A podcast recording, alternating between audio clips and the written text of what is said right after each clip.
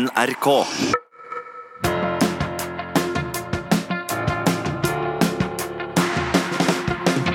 Sjakksnakk med Askild Bryn og Odin Blikravea.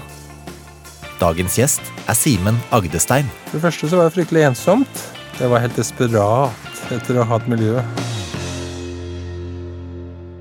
Hei og velkommen til en ny episode av podkasten Sjakksnakk. Eh, Som vanlig har jeg med meg eh, Odin Blikravea i Hei studio. Velkommen, Odin. Takk, takk. Og eh, ikke minst en meget spennende gjest, eh, stormester Simen Agdestein. Velkommen, Simen. Tusen takk. Eh, Simen er jo da Norges første stormester. eh, Tidligere landslagsspiller i fotball. Statsviter. Sjakktrener på NTG. Eh, Gammel eh, Skal vi danse-deltaker. Og nybakt europamester for eh, seniorer, for å nevne noe. Imponerende merittliste, Simen. Tusen takk. Du har hatt en hektisk sjakksommer, Simen. Starta med NM i Sarpsborg, før du dro videre til Danmark. Og så EM for senior i Drammen. Ja. Kan du ikke oppsummere sommeren din litt for oss? Jo, det har vært altfor mye sjakk. Jeg går ut av sommeren totalt utslitt. Som vi snakket om her, at uh, selv dere blir litt slitne, hører jeg. Ja, ja. Til min forbauselse. Men jeg ble helt utslitt altså, etter en sjakkturnering. Og nå har jeg spilt tre. Så det, det var litt i meste laget, egentlig. Men jeg tenkte det var hyggelig. altså sånn NM er hyggelig. Landsturneringen, det er eh, 500 mennesker der, og folk eh, Det er kos og så videre. Møte gamle venner og kjente. Ja da, det er så koselig, så. Så da skulle jeg spille EM for senior etter det igjen. Det var i Drammen. Det var i Drammen, ja. Og det var jo derfor jeg var med, fordi det var i Drammen. Det, sånne, det er veldig masse mesterskap for tiden, med EM-er og VM-er og alt mulig. Nå er det jo EM for ja, alt mulig. Spiller under åtte og jenter og gutter osv. Og, og det er også, nå også for folk over 50 Mm. og 65, som det var her. Og på hjemmebane så syns arrangøren der eh, håpet at jeg skulle vinne, da. Regner jeg med. Det var vel derfor ja, Så jeg ble, ble liksom spesialinvitert og stille liksom opp fordi at det er eh, i Drammen. Men det var ikke veldig sterkt. Det var ikke det. Men, det var va- slitsomt nok. Men du vant og åtte seier og ett tap på ni runder. Ja, og det måtte jeg òg. Jeg tapte mot en svenske. Så det ble sånn race mot en svenske på 63 år. Såpass, ja. Og så, og så han, siden han slo meg, så måtte jeg ha et halvt poeng mer, for individuell, eh, altså, individuelt oppgjør ble avgjørende hvis, ved, ved poengli- poenglikhet. Nettopp. Og så drev han og vant det ene partiet det etter det andre, så jeg måtte etter hvert eh, Jeg måtte faktisk ha 8-9. Jeg klarte heldigvis det, da. Ikke det at det betyr så mye. Det betyr egentlig veldig lite. Men det er en uh, tittel å ha, da, på, på CV-en. Ja, akkurat det bryr meg faktisk. Jeg, jeg tror jeg ikke bryr meg om det i det hele tatt. Nei, men Det er bra og godt, å, godt å høre at du eh, fortsatt spiller mye. Da. Det er gøy for oss i miljøet å, å ha deg der. Ikke bare som en trener, men uh, som spiller også. Aha. Og når vi snakker om det, så er jo både jeg og Odin tidligere NTG-elever. Uh, så vi har jo hatt deg som trener. og eh, vi husker jo tilbake jeg hadde jo en, Min første NTG-tur var jo til eh, Isle of Man i 2003. Um, det var en litt spesiell uh, tur fordi uh, For det første, du endte jo opp med å vinne turneringen. Men uh, husker du det var litt kontroverser der før turneringsstart, med Nigel Short blant annet? Ja da. Nigel Nigel Short. Ja, han er vel britisk sjakkspiller, da, som er presidentkandidat til FIDE og er veldig omstridt Og tapp- tapte vel en VM-kamp mot Kasparov i uh... Han gjorde faktisk det. Han kvalifiserte seg til Det var jo sånn eh, bruddet med altså Kasparov brøt med Fide en gang i tiden, eller 1992. Da skulle de spille VM-match, Kasparov og Short. Så brøt de, og så har det vært splittelse etter det, før de ble gjenforening i 19 i 2006, da. Men Short er definitivt en karakter, han. Men han valgte jo da å trekke seg fra turneringen og dra med seg sitt honorar. Man får jo honorar, han er stor stjerne, får kanskje 40 000 kroner eller noe sånt for å spille. Eh, Fordi arrangøren endret runden sånn, jeg husker ikke, fem-seks timer før runden. ja.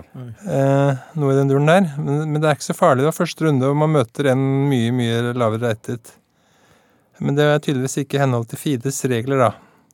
Så da trakk Short seg. Og så kom jeg i skade for å vinne turneringen, så må holde en eh, sånn der eh, winners speech. Og da nevnte jeg det, da. At det var eh, notice there was an incident in the beginning of the tournament. Sånn der understatement. Så det kom et lite stikk da, til Ja, Nigel så det kom litt med stikk, da. At alle at Arthur Yusupov sa en gang at alle stormestere burde arrangere en sjakkturnering. For da ville det endre sitt syn på et, et og annet. Som var kloke ord. Og det var, slo tydeligvis an i veldig, eh, slo tydeligvis veldig an, for det var understatement, og alle skjønte hva jeg mente, mente og sånt. Og så ble jeg sitert i etterkant her og der. Han ble liksom brukt som en sånn fronttype for eh, For det var jo flere som syntes det var irriterende at Short driver og trekker seg sånn. Og så ble Short sur på meg, selvfølgelig, for da ble jeg liksom hoggestabben der, da. Og han skrev vel en kronikk i New York Times eller noe sånt? eh. Jeg vet ikke. Han skriver jo Noon Chess, og jeg bare så at han hadde sånne stikk mot meg mange år etterpå hver gang han fikk sjanse til å sende sånn måten jeg gikk på, eller et eller annet sånt. Så- Men han, han er jo kjent for å skrive stygge ting. Han, han skrev jo en nekrolog til Anthony Miles, ja. som han spilte sammen med mm, på, på det engelske landslaget. ja. De hadde en krangel fordi at de, var eh, De kranglet om å sitte på første bord på England. Og når det er lagturneringer, så er det jo vanlig å sette den beste på første bord, nest beste på andre bord osv. Ja. Så ble Miles satt på første bord, selv om det var åpenbart for alle, som han skriver, at han var mye bedre. Men han fikk sitt, sin revansj da han lå med dama hans under turneringen, som han skriver i nekrologen. Ikke sant? Type. Det var, det var ganske krigersk, de engelske sjakkspillerne. De hadde hver sine sjakkspalter, og jeg tror Miles altså, han, var, han, han, han svarte, for å si det sånn. Jeg tror de holdt på å slange fram og tilbake. Som sikkert var morsomt. Jeg hørte noen sånne historier om uh, en fra British Chess Magazine som fortalte om at uh, Short har jo spalter her og der, men etter hvert så mister han dem, for det koster jo så mye i sånne der uh, advokathonorarer. For de, hva heter det, de blir beskyldt for å skrive ting du ikke skal skrive, da. Injuriesaker og saker, ja. Nettopp. Nei, men det er bra. Um, apropos match, nå er det jo ny VM-kamp til høsten. Vi skal komme litt tilbake til den, Simen. Men aller først, kan du ikke eh, fortelle litt eh, om din egen uh, sjakkarriere? Altså litt fra starten av. Du var første, Norges første stormester. Ble det i 1985. Og det skulle faktisk ta ti år før vi fikk eh, neste stormester i Norge. Hvordan opplevde du den perioden der? Jo, det, var, det har vært litt av en eh, eh, vandring sånn sett. Jeg har fått oppleve helt fantastiske ting med den sjakken. da. Mm. Må noen ganger tenke på har det vært verdt det, liksom.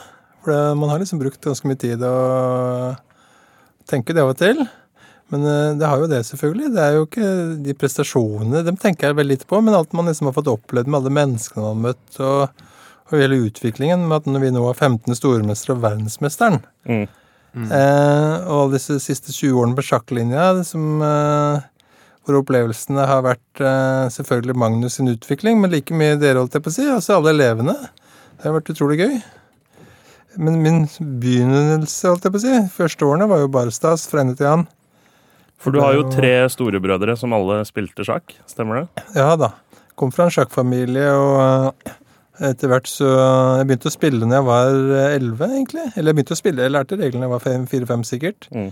Og spilte du fotball òg, da? eh, Samtidig? Fotball ja, men jeg spilte hele tiden. Ja.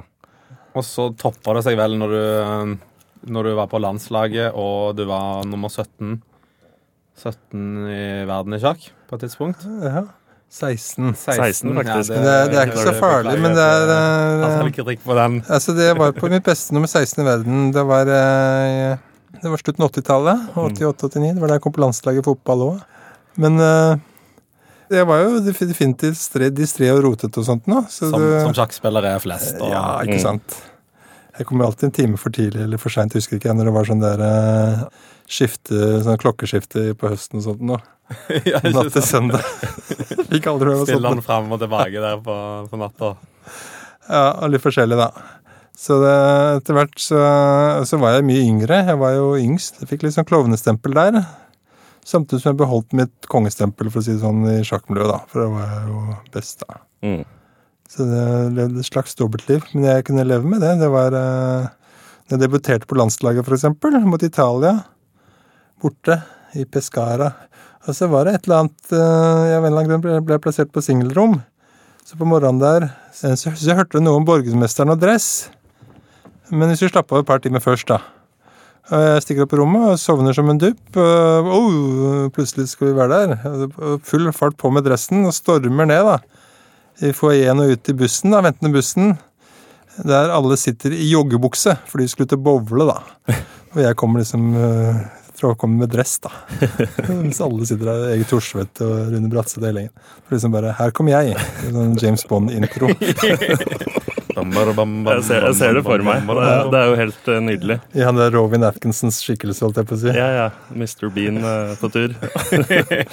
Og så fikk du vel, eh, stemmer ikke du fikk profftilbud fra Panathinaikos på et eller annet tidspunkt? Eh, besiktas, i hvert fall. Besiktas, ja. Okay. Men det, det var jo en tid hvor skikkelig masse skjedde på en gang, da. Besiktas er vel I eh, Tyrkia. Godt fotballag, det. Det er ikke noen noe dårlig klubb, det. Men det var, eh, det var, jeg var veldig veldig aleine. Hadde ingen til å hjelpe meg med noe særlig. Og veldig mye skjedde. Det ble virvlet opp veldig mye. Så det var eh, eh, Det var ikke så lett å holde beina planta på jorda da, for å si det sånn. Men på hvilket tidspunkt følte du at du altså, Måtte du prioritere det ene fremfor det andre? Eller klarte du å holde Eh, sjonglere ballene samtidig? Jeg spilte fotball for moro skyld, jeg. Og, og betraktet meg sjøl som sjakkspiller. Og tenkte på kanskje jeg skulle slutte på gymnas og sånt og satse på sjakk, for det var liksom så i farta der. Mm. Jeg var 18, jeg ble stormester da jeg var 18. Da var jeg den yngste i verden. Så jeg var jo eh, den beste i verden, da, under 20 år, for å si det sånn. Mm. Eh, Anand, det var, det var et generasjonsskifte. Disse som er, som er blitt gode seinere, Anand og dem, de, de er tre år yngre enn meg, eller par-tre år yngre. Men eh, jeg lurte på å satse på sjakk, jeg. Jeg er glad jeg ikke gjorde det. For det første så var det fryktelig ensomt. Reise rundt i verden aleine. Ja, så var det ingen andre som var veldig gode i Norge på det tidspunktet, vel? Som Nei, du, det var jo ikke det. sånn som nå, så har jo alle de unge talentene har jo hverandre som de kan trene med og sperre med, og Jaha. har NTG og det, det miljøet du har bygd opp, da. Så var det slitsomt. Jeg ble sliten da òg, de turneringene. Men det var primært den der ensomheten, tror jeg. Mm. Jeg merket veldig fort at det ville vært altfor ensomt og trist å sitte der for seg sjøl. Mm. Jeg var helt desperat etter å ha et miljø. Men hadde vi hatt eh, la oss si to-tre andre norske spillere eh, på omtrent samme nivå eller litt under, som kunne Ville det hjulpet deg? Og på en måte Jeg tror det ville hjulpet med et slags apparat, Ja. eh, liksom. mm. Jeg satt jo, fikk jo masse invitasjoner, så hadde jeg vondt i hodet, huet på hver eneste invitasjon. Satt og veide for og imot, og, og det var sånn hele veien. Så måtte hele tiden på en måte ta disse avgjørelsene på egen hånd og, og Jeg sty styre med det meste selv? Jeg måtte rett og slett ordne alt på egen hånd. Mm. Plutselig skulle Harvard En som ville ha meg inn på Harvard. Jeg hadde ikke hørt om Harvard engang. Verdens mest berømte universitet. Ikke sant? Altså, det var liksom sånn hele tiden. En som ville ha meg til å komme til Rio de Janeiro og spille fotball eh, for Flamengo Juniors og sjakk oh, det er... for, for, klubb- for det er liksom en del av sjakklubben, ikke sant? Ja, ja. Der Sånn hadde jeg slått til, altså. Ikke sant? Det var bare sånn type ting hele tiden. Det var, eh, det var ikke så lett å orientere seg da. Ja, for du kan jo si sånn som eh, Magnus, selv om han er et godt hestehode bedre, så har han hatt deg som trener hatt andre trenere. Han har hatt et miljø da, Ja. eh, rundt seg, så jeg tror det Ja, men da, han har et apparat rundt seg, han. Og jeg håper det har vært nyttig. Eller hyggelig, da, for å si det på en sånn måte. Ja, men jeg tror han har vært veldig heldig og, og ser tilbake og er klar over det selv. All, Ja. all drahjelpen han har fått både fra deg, NTG-miljøet og, og, og litt oss lavere rata kompiser også, som eh, kan eh, finne på andre ting med han. Ja. Um, Det syns jeg faktisk er ekstremt hyggelig av han å si, for nå er han i en sånn posisjon at det han sier, det- betyr virkelig noe. ting. mm, Hvis han Ja. sier sånt, noe, så, så løfter han liksom wow. Så holder man det gående i ti år til, ikke sant. Det er eh, Hvor lenge siden vi er på det, hvor lenge, hvor lenge tror du han kommer til å holde det gående? Sånn som du Altså, det er jo uh, ikke så godt å si. Nå er han jo litt pressa, da, i og med at korona uh, snuser han i nakken og så innmari. ja, Fabiane Caruana, kommende VM-motstander. Nettopp. Så den dagen Magnus taper en VM-match, øh, da har han kniven på strupen. For det er ikke så lett å så kvalifisere seg til VM-matchen. Det er mye vanskeligere det enn Ja, det- å bare det- det vinne med seriematchen. Ja, og det, vi snakket om det sist. Ja. Når han var her, så snakket vi om det, og da Han hadde vel ikke noe godt svar på det, egentlig, hva som skulle skje. Og jeg tror ikke han våger egentlig å tenke på det. Og jeg tror ikke han skal, skal tenke på det. Han skal ikke ha den innstillingen at det, at det er en mulighet å tape. da. Det, Ja, det, det tror jeg det blir veldig spennende. Jeg håper ikke det skjer, da, for å si men, det for, sånn. for hvis det skjer, hva altså um, Da, da får vi se hva han er bygd av, for å si det på den måten. Det da Og kanskje også litt hvilke verdier han har. Det er ikke sikkert at han Jeg var jo der at jeg var nærme nok, følte jeg, til å bli Jeg hadde en veldig sjøltillit, jeg òg, da jeg var 18 år, og tenkte at jeg kan bli verdens beste, tenkte jeg. Mm. Men eh, det er ikke gøy. Jeg gidder ikke. Nå har jo Magnus vært verdens beste, og snus- virkelig fått oppleve det. Eh, så det veit jeg rett og slett ikke. Om han har tenkt å eh, nyte den følelsen resten av livet, holdt jeg på å si. Ja, altså ikke sant at han, Da har han noe Eller om han har noen andre ting i livet han har lyst til å gjøre for noe. Gjøre, Men, eh, men, men Altså- Magnus nevnte jo noe interessant eh, forrige episode, og det var jo at eh, det var lettere å være i utfordrerposisjon. For når du har uh, tittelen, så henger den mer over deg, og det er et stort ansvar å ha. eh, mens det er lettere å komme i den utfordrerposisjonen og, eh, og ha en annen inngang til VM-kampen da, enn eh, Ja. en som regjerende mester. Ja. Jeg kjenner jo litt igjen den der. Jeg var jo slags utfordrer. Jeg spilte fotball og lekte hadde det gøy. Mm. Så kom jeg på landslaget, så var det ikke gøy lenger. Du spiller fotball og har syntes du spiller ganske brukbar kamp, så får du én på Dagbladbørsen, liksom. Mm. Og det Alt blir vurdert og målt og sett og og Det blir veldig fort vekk at du fokuserer på det helt gale, da. Det er jo bare Det, det spiller jo best når du leker og har det gøy. Ja, du får- Det skal mine- være lystbetont, og du skal kose deg med det Men- du gjør. Mm. Det jeg husker fra fotballen best, det er jo fotballtreningen, rett og slett. Vi bare lekte på Løkka. Jeg husker ikke den spesielt. De kampene som bare opplevdes som stort press. Mm. Men du har jo mye erfaring med, med matcher, du òg. Sånn som Magnus skal Ja, sånn sett følte jeg matchet det ga han litt. Altså, Magnus er jo ekstremt fast learning, da, for å si det sånn.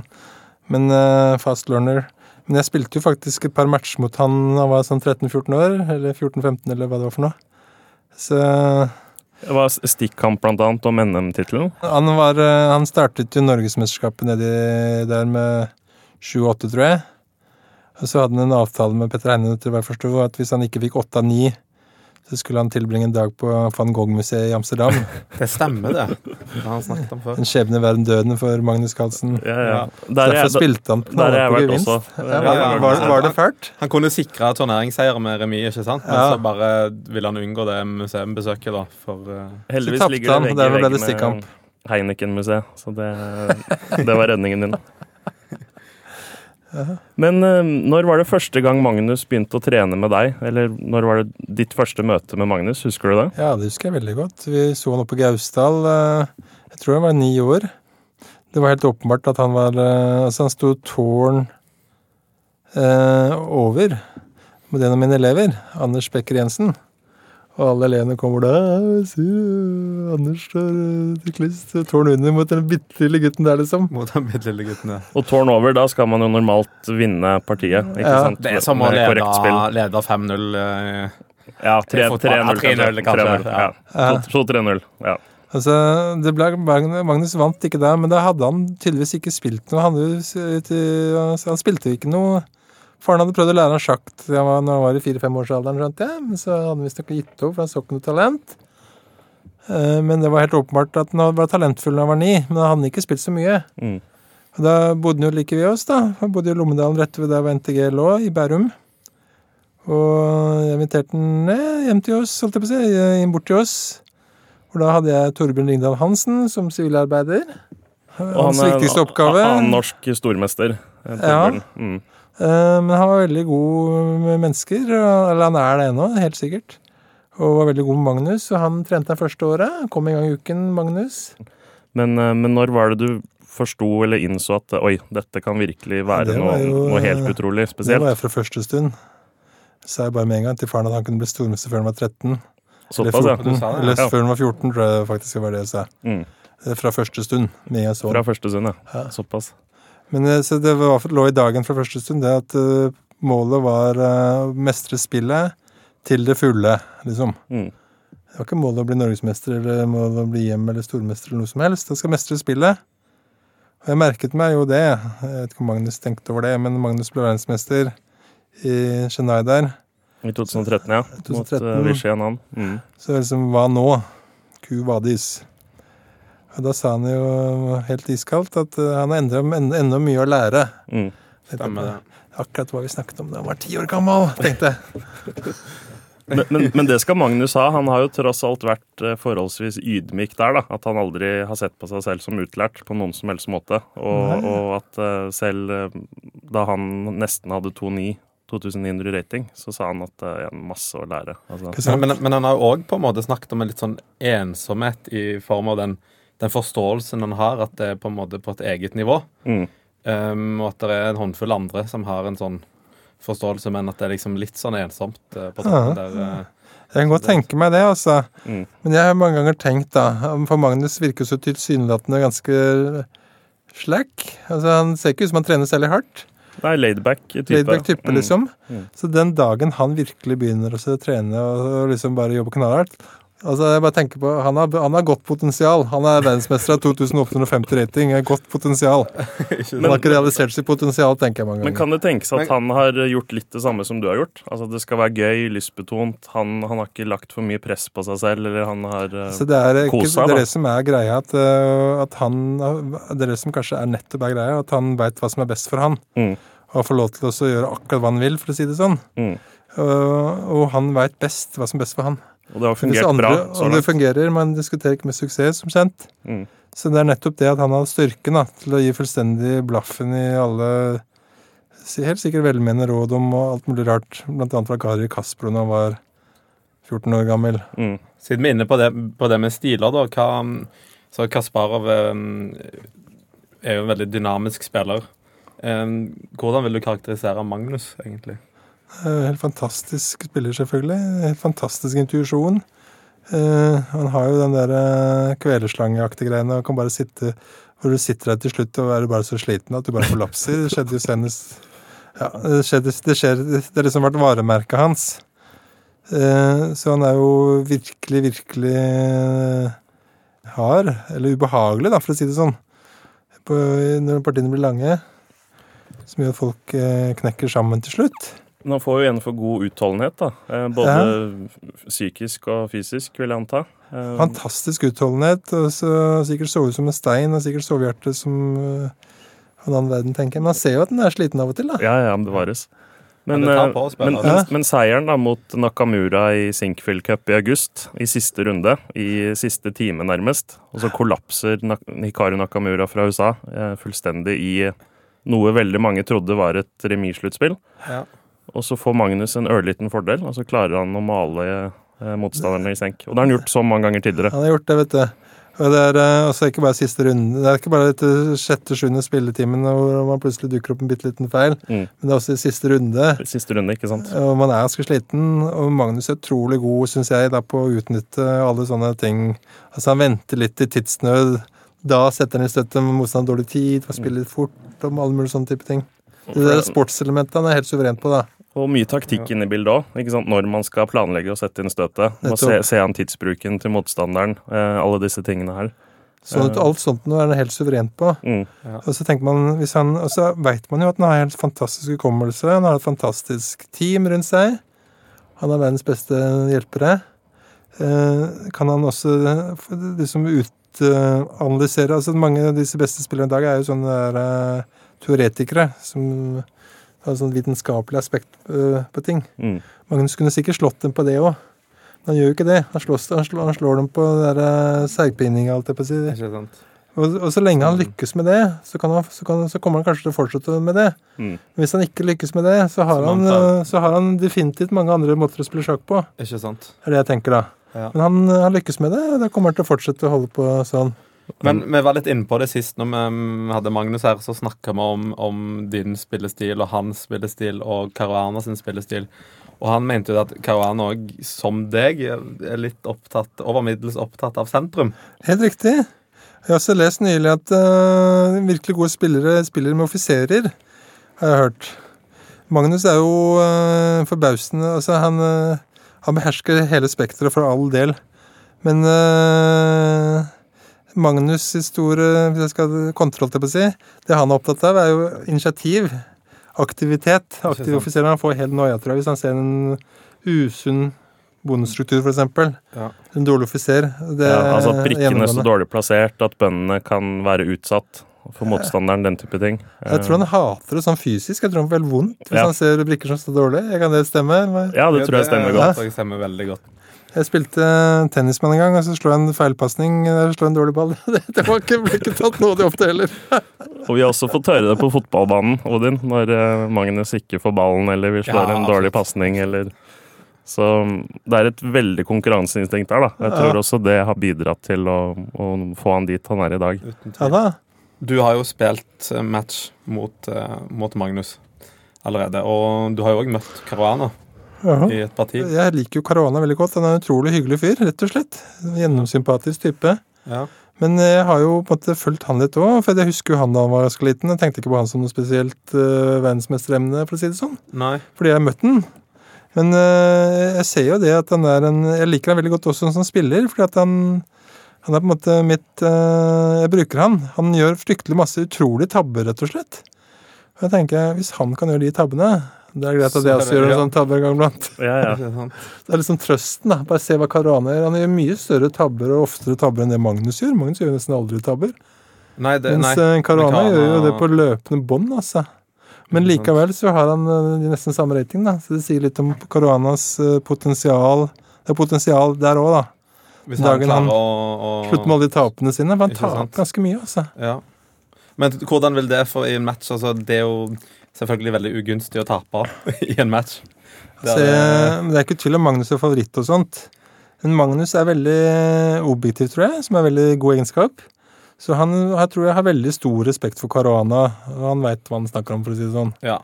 Eh, Men Caruana har jo hatt et veldig bra år. Eller de siste to-tre årene så har han jo gjort det bra i de store turneringene og, og, og hatt flere turneringsseire. Men eh, innbyrdes så har faktisk Magnus eh, seks seire i de sju siste avgjorte partiene dem imellom.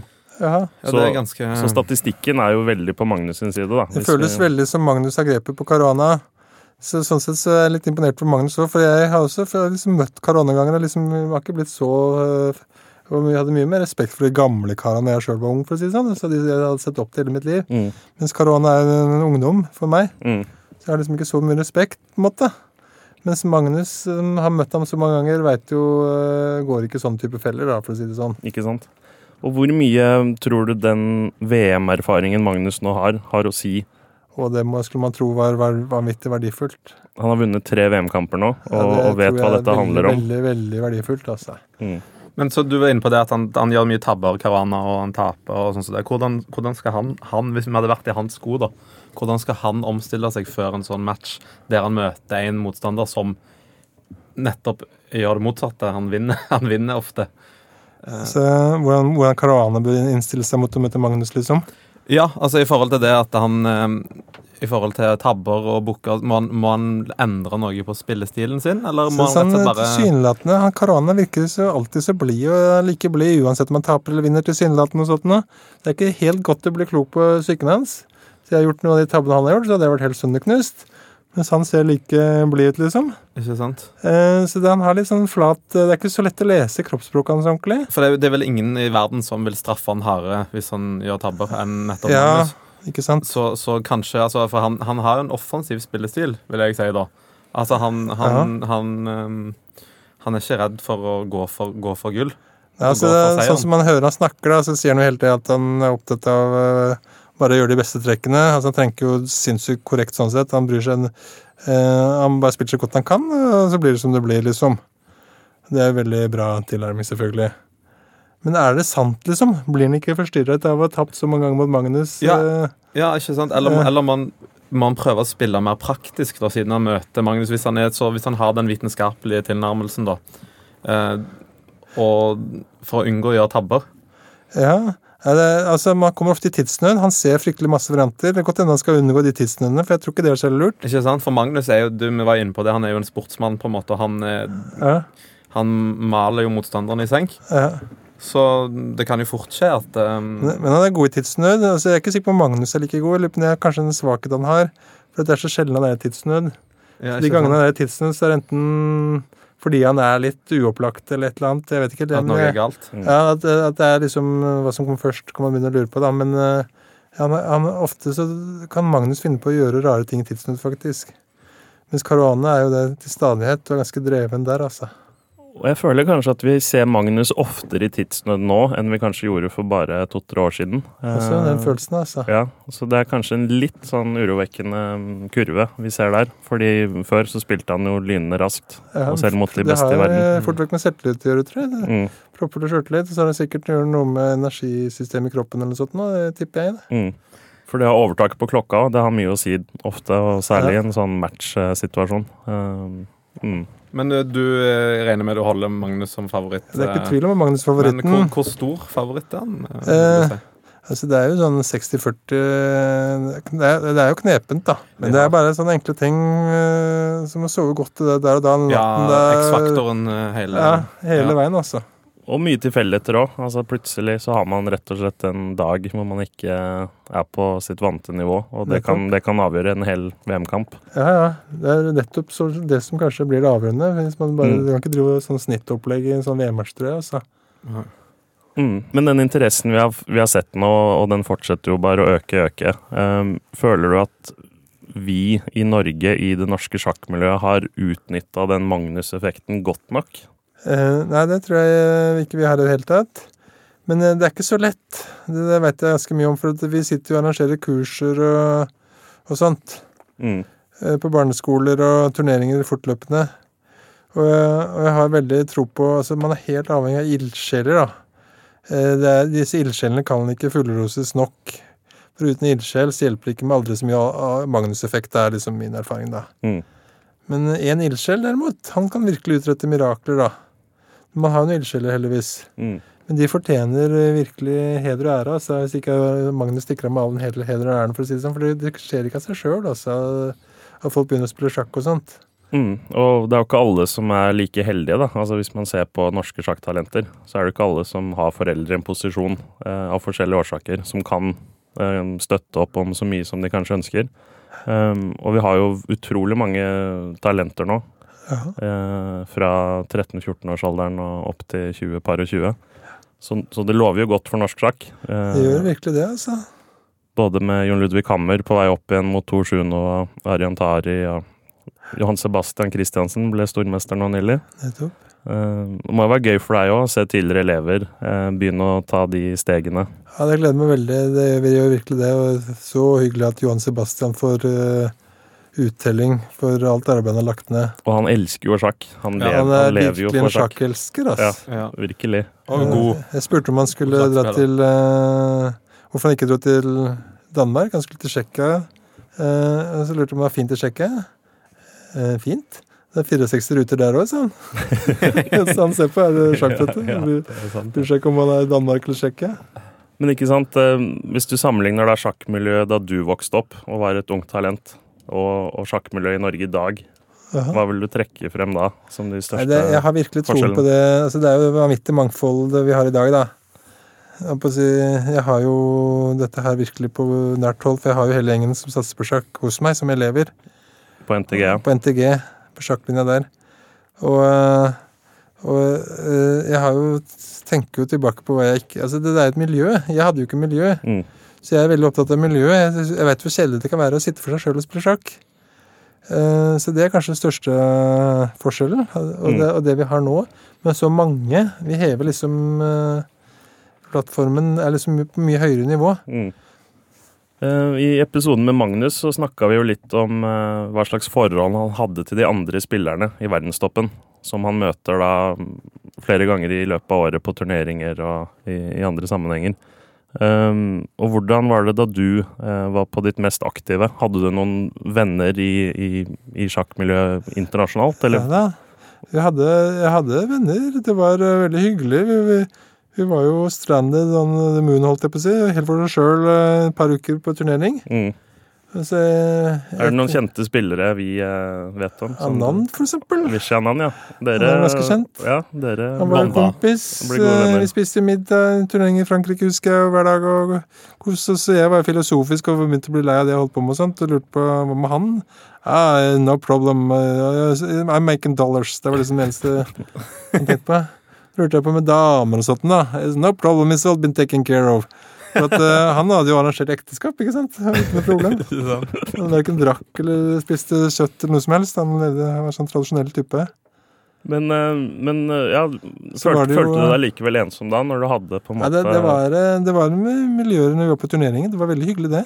Men det var jo, det kunne ta ti år før man så vedkommende igjen, holdt jeg på å si. Ja, flere år. Og kanskje prosessen fra å være i Norge og få et tilbud om en turnering, og faktisk sitte der. Og så er det en stor forskjell på hvordan det oppleves når du først har kommet dit, enn Ja, en, en, en reisen dit. da. Det var stort sett hyggelig på turneringer. Men det som er viktigst av alt der, er jo Arnold Eikrem, da. Det er nesten sånn at man glemmer han, men det må jo absolutt ikke skje. Hvem var han igjen? Arnold Eikrem, han øh, døde i 1996. Da var han ganske ung. Eller det vil si 60 Jeg husker ikke hvor gammel han var. jeg. Men øh, han, han, han gjorde alt i Norge fra, fra 1950. Og de neste 30 årene så var det han som arrangerte Eller de neste 40 årene.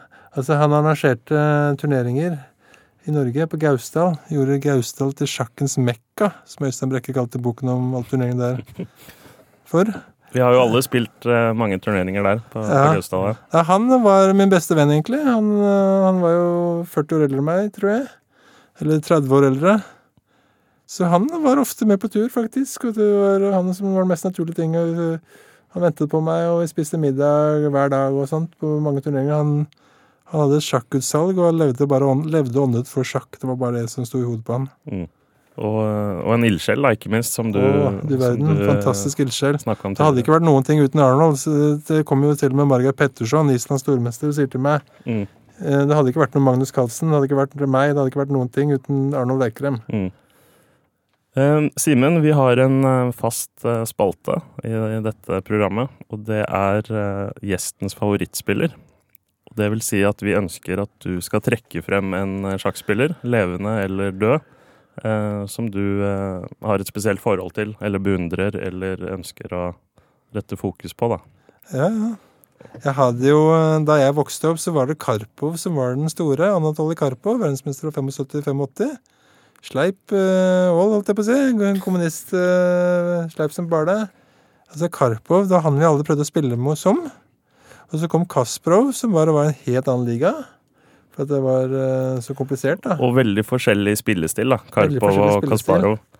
Men, eh, men Kasparov hadde jeg forhold til, selvfølgelig. Men han var liksom så suveren. Han spilte så utrolig krevende sjakk. Spilte du mot han? Ja, da, Jeg trodde jeg møtte Gud og spilte som en idiot, for jeg trodde jeg sjøl måtte spille som en gud. Men du spilte jo mot Karpov òg, gjorde du ikke? Ja da. Karpov var ikke så farlig. Han bare satt der og så sleit jeg ut, og det ble remis. Litt sånn som Magnus, da. Ja. Magnus er farligere, da. Tror Magnus, altså sånn, Magnus er en sånn hybrid, kanskje? Av, ja, Magnus behersker hele registeret, ingen fare. ja. Men, eh, så jeg tror Magnus er mye bedre spillere både enn Kasparov og Karpov. Men i forhold til Ja. sin tid, da. Det er det vi snakker om, er det ikke det? Jo. Så Men eh, du nevnte, Simen, at eh, du opplevde det om å, å spille mot Kasparov som å spille mot Gud, nærmest. Eh, tror du det er litt sånn for de andre nå, når de møter Magnus? ja, absolutt. Og jeg tror Magnus veit akkurat hvordan han skal utnytte nettopp det. Man Mm. spille veldig fort og bruke alle triksene, for å si det sånn. Mm. De psykologiske grepene. Jeg tror Magnus er verdens beste til å utnytte Ja. alt det der. Men eh, nå går vi mot slutten, men jeg tenker vi må, vi må oppsummere litt eh, inn mot VM-kampen nå. Um, hva, hva blir inngangen nå, tror du, til VM i november i London? Altså, Eh, Det blir i hvert fall utrolig spennende. Det tror jeg vi tør å si. Jeg jeg spår spennende partier. mm. Men eh, det som er litt greia her, er at Karuana Caruana er jo veldig forutsigbar. Han spiller dette russiske forsvaret sitt. Russisk forsvar, hva, hva, hva slags åpning er det igjen? For Det er veldig, veldig solid E4, E5, altså springer F3, springer F6. Det er en slags symmetrisk. Ja, Litt sånn er bare, hermelås. det, herme, herme, det er bare to trekk, så er det russisk. Ja. Det, Caruana spiller hele tiden. Magnus spiller alt mulig, som gjør det umulig å forberede seg mot han. Mm, men han- Caruana han spiller det samme og, og sitt, forsøker ikke å skjule det engang. Mm. Men i Sinkville Cup nå i august så klarte jo Magnus å legge press på Caruana i nettopp den åpningen med hvit. Han gjorde faktisk det, Og altså. jo Utrolig nok. Ja, det er utrolig nok, egentlig. Og stil stillingen de hadde der i midtspillet, hadde aldri blitt uh, det, spilt men, på toppnivå. men det greiene Magnus spiller i åpning, der, der har jeg òg spilt før uten noe særlig suksess. Og Det det er liksom ikke noe å det er skryte ikke noe å skryte av, det, det. men han bare utspiller den. For det, rett og slett, det er Bare fordi at han får en lik stilling, og så er han bare litt bedre. Ja, det er utrolig imponerende. Klarer å utspille Caruana. Men tror du det i vil- en tror du det vil- stilling, egentlig. Tror du det vil påvirke Caruana, hvis han nå har planlagt å bruke russisk forsvar med svart? Etter han Eh. holdt på å tape altså, i Sinkfield. Jeg klarer ikke å se for meg Caruana kommer til å bytte åpning. Altså. Jeg tror han kommer til å bare forholde seg til de russiske greiene sine. Mm. Han vet på en måte at det objektivt er fint for svart. Ja, han, tenker jeg. han Han, er sånn vitenskapelig- Han har en vitenskapelig approach. eh, Ja, og han rett og slett tror at han har sett på alt mulig himmeljord i den åpningen. da. Ja. Så uansett hva Magnus finner det- på, så stoler han på sin egen analyse, liksom. Så det blir, litt, blir det vitenskapsmann mot sportsmann, da, kanskje? Ja, det er der Magnus må Hvis han skal spille 1 E4, da, under kongebonden, så må han eh, så, blir det, så må han slå Magnussen nei, Caruana på vitenskapsarenaen fort vekk. Mm. Men, men sånn om matchen, hva tror, tror du det blir avgjort før tolv, eller innen tolv partier, eller? Jeg håper det blir tolv partier. Jeg håper på mest mulig action. Jeg håper på Ja. ja. stikkamp for Omsp- den skyld. For at jo mer moro, jo gøyere, liksom. Jeg er helt enig. Det er gøy. Men eh, det er litt nervepirrende òg. Ja, Skrekkblandet fryd. Men, men hva vil du hvis du, skal, hvis du, du må, må tippe? Eh, Nei, Jeg håper Magnus vinner i, i omkamp, og at det bølger fram og tilbake. Men, øh, men da, da er vi litt på nervebruddens rand. Det, og det er jo litt gøy når man er der. Ja, det er Da får man liksom virkelig pirra gøy å kjenne hjertet pumpe og ja. ja, for det blir jo litt kjedelig hvis det skulle bli sånn at Magnus bare vinner. Jeg gråter ikke om Magnus bare vinner, for å si det sånn. Det, det, da puster man litt letta ut, for det er litt skummelt akkurat nå. Ja, du syns det? Ja, det er jo definitivt det. Det er jo alltid skummelt. med Og eh, må ikke glemme også altså, rating, eh, rankinglisten òg, hvor Ja, er Magnus holder på å bli tatt igjen på ratingen. Um, så den VM-kampen vil jo påvirke rankingen også. Absolutt. Så det, det er jo på Selv om det er sekundært, selvfølgelig, så er det også viktig for Magnus. Den som vinner, vil faktisk Hvis Caruana vinner, så går han forbi Magnus i rating. Ja, altså Da er han verdensmester, og så er han jo- nummer én på rankinglisten. Og bare Magnus plutselig gått fra å være alt til ingenting, da. Ja, det er krise, Eh, faktisk. altså, altså, Magnus har jo alt å tape på dette. ja, ja, ikke sant? Han burde egentlig bare avlyse. Det er selvfølgelig, Sånn, vi snakker eh, selvfølgelig relativt, men for Magnus er nok det krise, ja. Ja. Vi, eh, vi gleder oss, og tusen hjertelig takk for at du kom, Simen. Eh, Slik.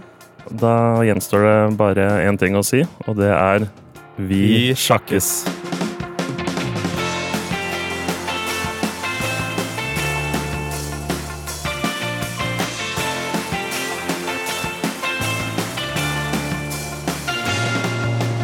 Sjakksnakk lages for NRK av Askild Bryn, Odin Blikk Ravea og Sindre Leganger. Vil du vite mer om det som ble nevnt i episoden, så sjekk nrk.no sjakk. Gjest i neste episode er Nordens nest beste sjakkspiller, Jon Ludvig Hammer. Og det er umåtelig frustrerende eh, å drive og sammenligne seg selv med det største mysteriet sjakken har sett siden Bobby Fischer